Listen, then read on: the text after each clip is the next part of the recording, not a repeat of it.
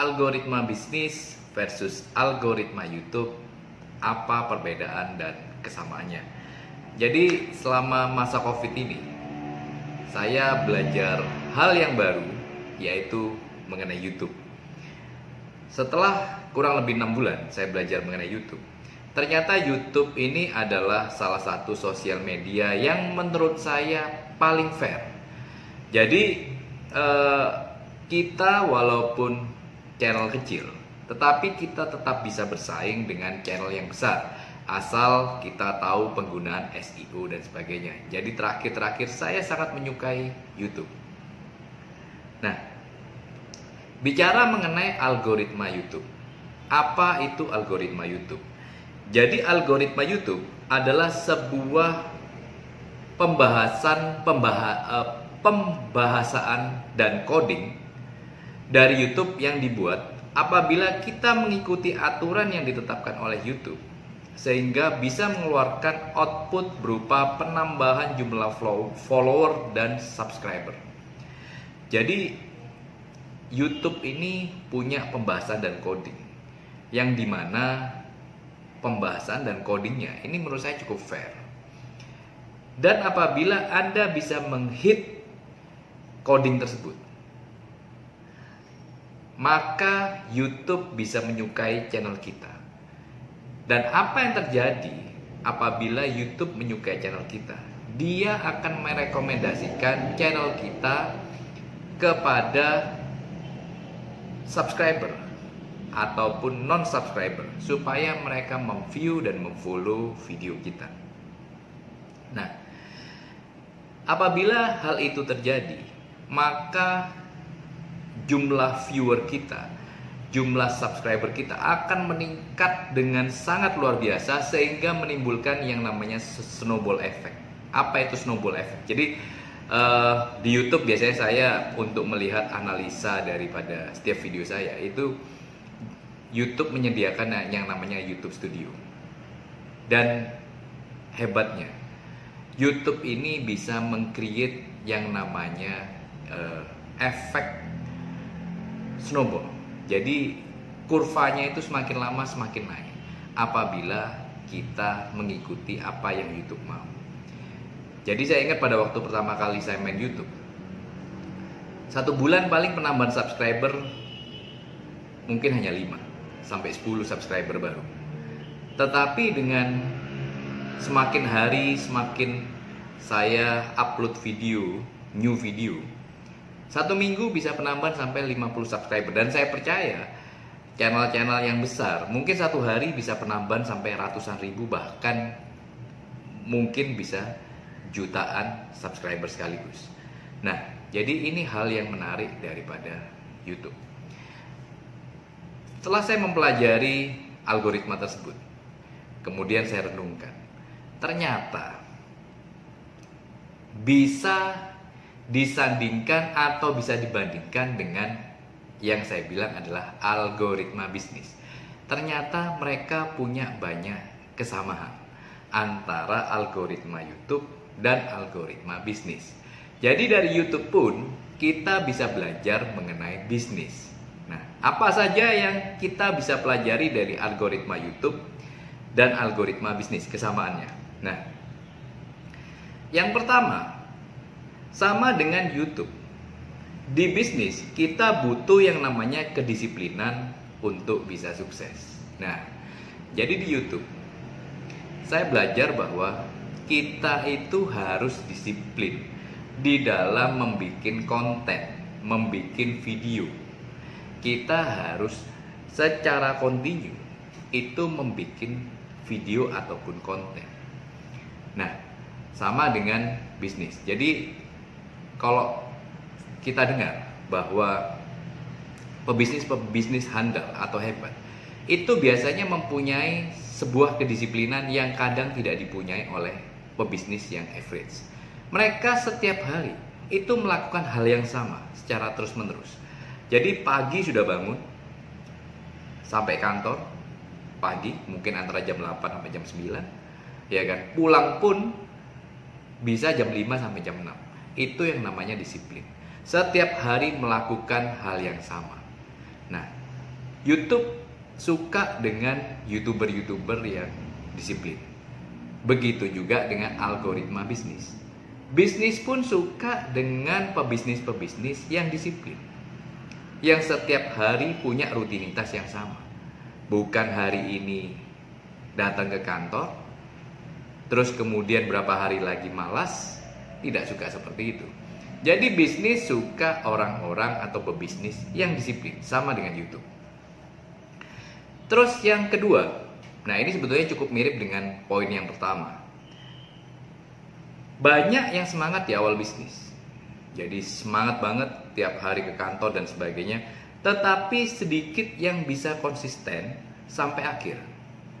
Nah, hal ini juga sama dengan algoritma YouTube. Jadi salah satu kunci sukses di bisnis itu adalah konsistensi. Sama dengan YouTube. Jadi YouTube suka orang atau YouTuber yang konsisten. Setiap minggu upload berapa video. Harinya apa? Jamnya jam berapa? Jadi YouTube suka konsistensi. Banyak YouTuber yang channelnya tidak berkembang. Mereka banyak bolongnya. Jadi minggu ini rajin upload mungkin bisa tiga video, minggu depan kosong. Minggu depan lagi upload, terus kemudian satu bulan kosong. Nah, YouTube tidak suka. Begitu juga dengan bisnis. Ya kan? Bisnis algoritmanya adalah suka orang-orang yang konsisten. Kadang konsistensi itu kalau sudah mendapatkan hasil itu gampang untuk konsisten. Tetapi konsisten pada saat Anda belum mendapatkan hasil, itu yang susah. Jadi waktu pertama kali saya menjalankan YouTube, kadang itu satu bulan, dua bulan, tiga bulan awal itu tidak merasakan apa-apa efek dari konsistensi Tetapi saya terus konsisten untuk setia mengupload video setiap minggu itu target saya minim satu dua video. Sama dengan bisnis. Saya juga bisnis. Jadi tidak ada pada waktu kita memulai bisnis itu langsung mendapatkan hasil. Langsung mendapatkan yang namanya result yang kita harapkan.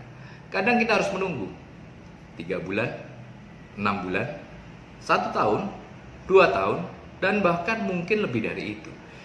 Tetapi banyak orang yang pada saat di di mana belum ada hasil, yang awalnya semangat dan konsisten. Kemudian karena tengah jalan sudah tidak merasakan hasil banyak yang bahasa Jawanya itu mutung. Nah bisnis algoritma bisnis tidak suka dengan orang-orang seperti gini.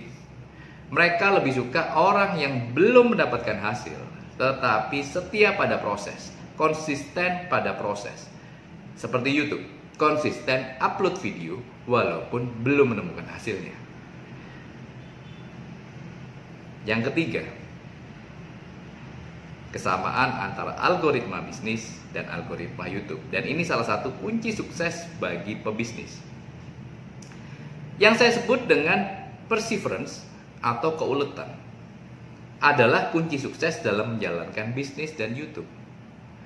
Jadi pada waktu kita sekolah, kita diukur dengan nilai IQ atau kecerdasan intelektual. Tetapi yang membuat kita sukses di, di dalam bisnis itu bukan seberapa tinggi IQ kita. Ternyata yang membuat kita bisa sukses di dalam bisnis adalah uh, keuletan itu. Bukan EQ juga, bukan IQ, tetapi keuletan. Jadi banyak pebisnis yang saya lihat IQ-nya tidak tinggi Bahkan termasuk saya waktu itu IQ-nya pas-pasan. Tetapi orang-orang pebisnis itu walaupun IQ-nya biasa-biasa, tetapi mereka mengulang terus, ulet, setia pada proses, belajar terus. Jadi kalau me memang yang IQ-nya tinggi, mungkin belajar satu kali sudah nangkep. Tetapi orang dengan IQ yang biasa tetapi ulet, dia mungkin perlu 10 kali untuk bisa mengerti. Tetapi itu bukanlah suatu halangan apabila Anda mau sukses di bisnis. Jadi, saya lebih banyak melihat orang dengan IQ yang biasa tetapi ulet itu bisa lebih sukses dibandingkan orang IQ tinggi tetapi tidak ulet. Nah, jadi sama halnya dengan uh, YouTube. YouTube ini kadang sering kali membuat kita itu seolah-olah putus asa, membuat kita itu menyerah. Bayangkan, awal-awal bisa tiga bulan, enam bulan, nggak ada hasil dari YouTube. Kita upload, ya hasilnya biasa-biasa aja. Jumlah viewer ya biasa, jumlah subscriber ya biasa, ya kan. Terus, uh, apakah kita akan menyerah dengan begini? Nah, pada waktu saya melihat, oh ini kok tidak berjalan, saya istilahnya mereview, mengevaluasi, kenapa kok channel YouTube saya tidak berkembang. Saya evaluasi, saya cari masalahnya, kemudian saya benarkan. Nah, jadi pengalaman saya juga sama di dalam berbisnis. Jadi kadang suatu waktu kita punya sebuah program yang menurut kita bakal jalan nih. Akhirnya kita jalankan di bisnis kita. Ternyata antara teori dan eksekusi itu jauh beda. Jadi begitu kita eksekusi ternyata belum tentu jalan. Jadi saya punya sebuah program. Jadi saya sudah 15 tahun di bisnis properti.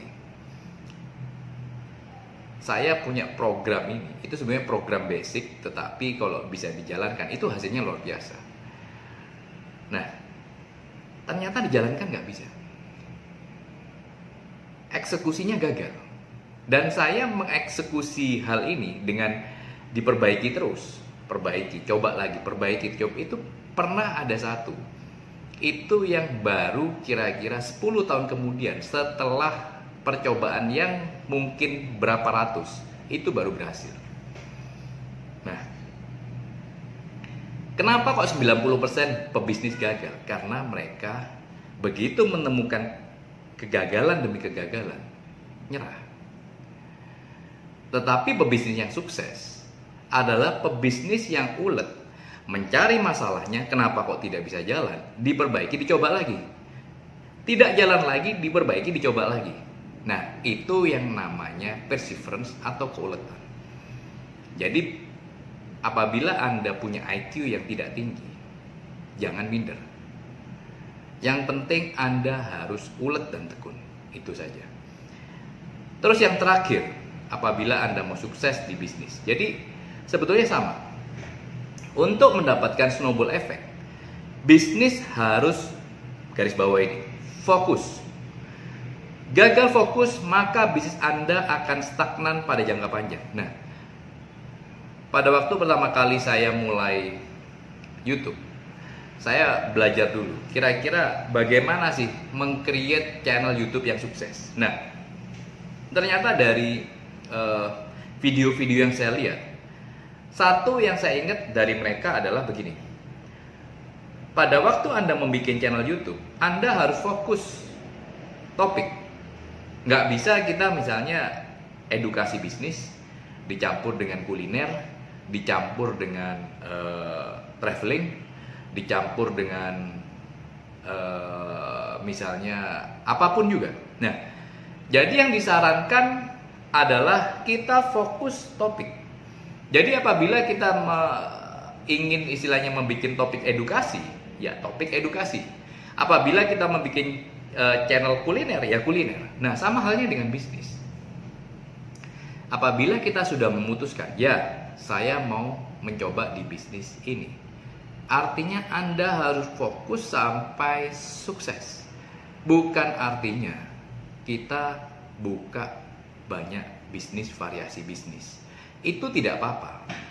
Asal Anda punya yang namanya kekuatan manajemen dan leadership yang luar biasa. Makanya banyak konglomerat e, di Indonesia.